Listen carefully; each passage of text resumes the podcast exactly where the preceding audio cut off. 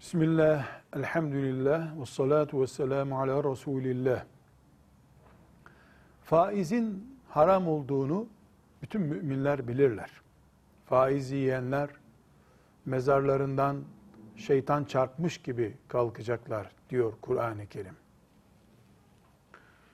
Faiz haram olduğunu bilmeden ya da gafletine gelerek bulaşıldığında bütün günahlar gibi hemen tevbe edilmesi gereken bir günahtır.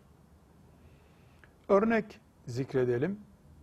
Bir Müslüman gafletine gelip 1 milyon lirasını faizli bir kuruma yatırdı. Şu kadar zaman sonra bu büyük günahtan kurtulmayı düşündü. Ne yapacak? Bu kararı verdikten sonra yani bunun yanlış olduğunu anladıktan sonra bir dakika bile beklemeden parasını acilen bankadan çekecek. Allah ana parasının onda kalmasını helal ediyor. Yani bir milyon yatırmıştı. O bir milyon onundur. O bir milyonun üzerine faiz olarak tahakkuk eden ise asla onun değildir.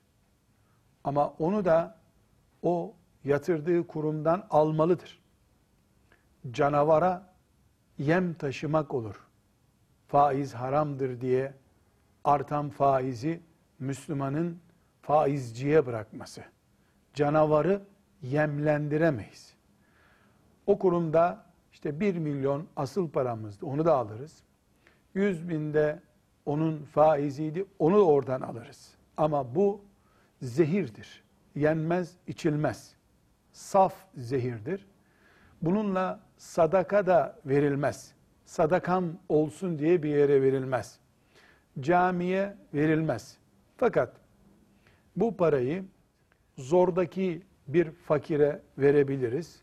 Ama bunun adına sadaka asla demeyiz zehirden yemek olmaz, faizden sadaka olmaz. Velhamdülillahi Rabbil Alemin.